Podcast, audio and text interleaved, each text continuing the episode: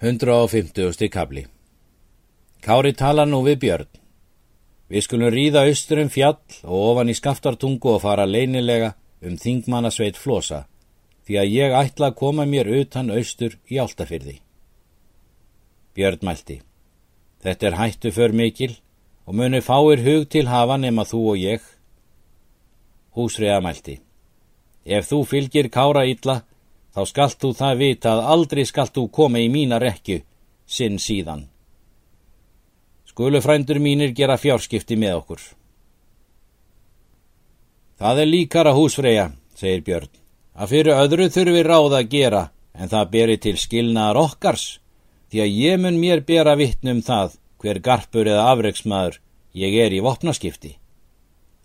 Þeir ríða nú um daginn á fjall og aldrei almanna veg ofan í skaftartungu og fyrir ofan bæi alla til skaftár og leitu hesta sína í dæl nokkura. En þeir voru á njóstn og höfðu svo um sig búið að þá mátti ekki sjá. Kári mælti þá til bjarnar. Hvað skulum við til taka ef þeir ríða hér ofan að okkur af fjallinu? Munu eigi tveir til, segir Björn. Annarkort að ríða undan norður með brekkunum og láta þá ríða um fram eða býða ef nokkur er dveljast eftir og ráða þá að þeim. Mart töluðu þeir um þetta og hafði Björn í sínu orðu hvort að hann vildi flýja sem harðast eða hitt að hann vildi býða og taka í móti og þótti kára að þessu allmikið gaman. Nú er að segja frá Siffúsonum að þeir riðu þann dag heiman sem þeir höfðu sagt byrni. Þeir komi í mörg og drápu þar á dyr og vildu finna björn, en húsriða gekk til dýr og heilsaði þeim. Þeir spurðu þegar að byrni. Hún sagði að hann var riðin ofan undir eigafjöld og svo austur í hold. Því að hann ná þar fjárheimtur, sagði hún. Þeir trúðu þessu og vissu að björn átti þar fyrir að heimta, riðu síðan austur á fjall og léttu eigi, fyrir þeir komi í skaftartungu og riðu ofan með skaftá og áðu þar sem þeir kári ætluðu. Skiptu þeir þá liði sínu, getillur mörg reið austur í meðaland og átta menn með honum, en hinnir lögðust niður til sveps og urðu eigi fyrr við varir en þeir kári komu að þeim. Þar gekk nes lítið í ána fram. Kári gekk þar í fram og bað Björn standað baki sér og hafa sér eigi all mjög frammi, en ger mér gagslikt er þú mátt. Hitt hafði ég ætlað, segir Björn að hafa engan mann að líf skildi mér, en þó er nú þar komið að þú mynd ráða verða, en með vitsmunum mínum og kvatleik, þá mun ég þó verða þér að gagni, en óvinnum okkurum ekki óskeini samur. Þeir stóðu nú upp allir og hljópu að þeim og var skjótastur móðólfur Ketilsson og lagði spjóti til Kára. Kári hafði skjöldin fyrir sér og kom þar í lægið og festi í skildinum. Kári snaraði skjöldin svo hart að spjótið brotnaði. Hann hafði brugði sverðinu og hjó til móðuls, hann hjó í móti. Sverð Kára kom og hjaltið og stökk af í braud og á úrliðin móðolfi og tók af höndina og fjall sverði niður og svo höndin en sverð Kára hljópa á síðuna móðolfi og inn í millum rifjana. Fjall móðolfur þá og var þegar döður. Grani Gunnarsson þreif spjót og skautað Kára en Kári skaut niður við skildinum svo að fastur stóði í vellinum en tók með hinni vinstri hendi spjóti á lofti og skaut aftur að grana og tók þegar skjöldsinn hinni vinstri hendi.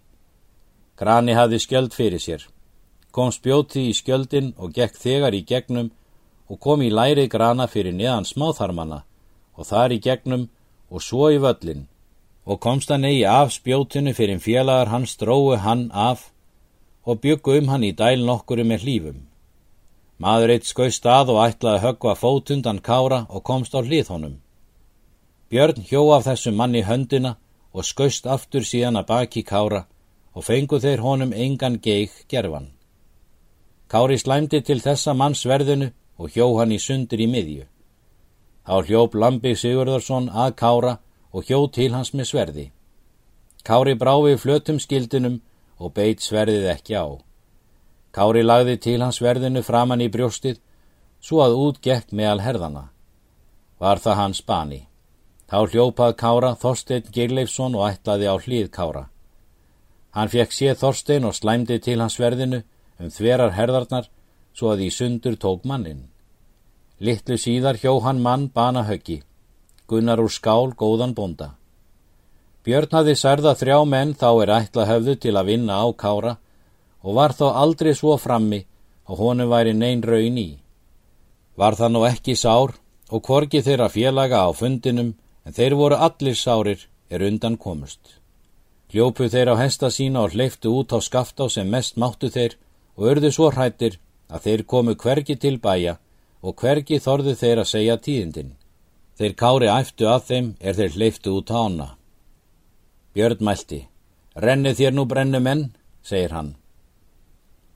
Þeir riðu austur í skóakverfi og léttu eigi fyrir þeir komu til Svínafells. Flósi var ekki heima er þeir komu þar og var því þaðan ekki eftir leitað. Öllum þótti þeirra ferð hinn svífiriðlegasta. Kári reyði í skál og lísti þar vígum þessum og hendu sér. Sagði hann þar lát húsbónda og þeirra fimm og sár grana og hvað betra myndu að færa hann til hús ef hann skildi lifa. Björn mælti og hvaðst eigin enn að drepa hann fyrir máksemdar sökum, en hvað hann þó þess maklegan, en þeir er svöruðu hvaðu fá fúnað hafa fyrir honum. Björn hvað nú kost vera að fúnuðu svo margir af síðumönnum sem hann vildi. Þeir sögðu þá þó íll að vera. Þeir káru og björn riðu þá í braut.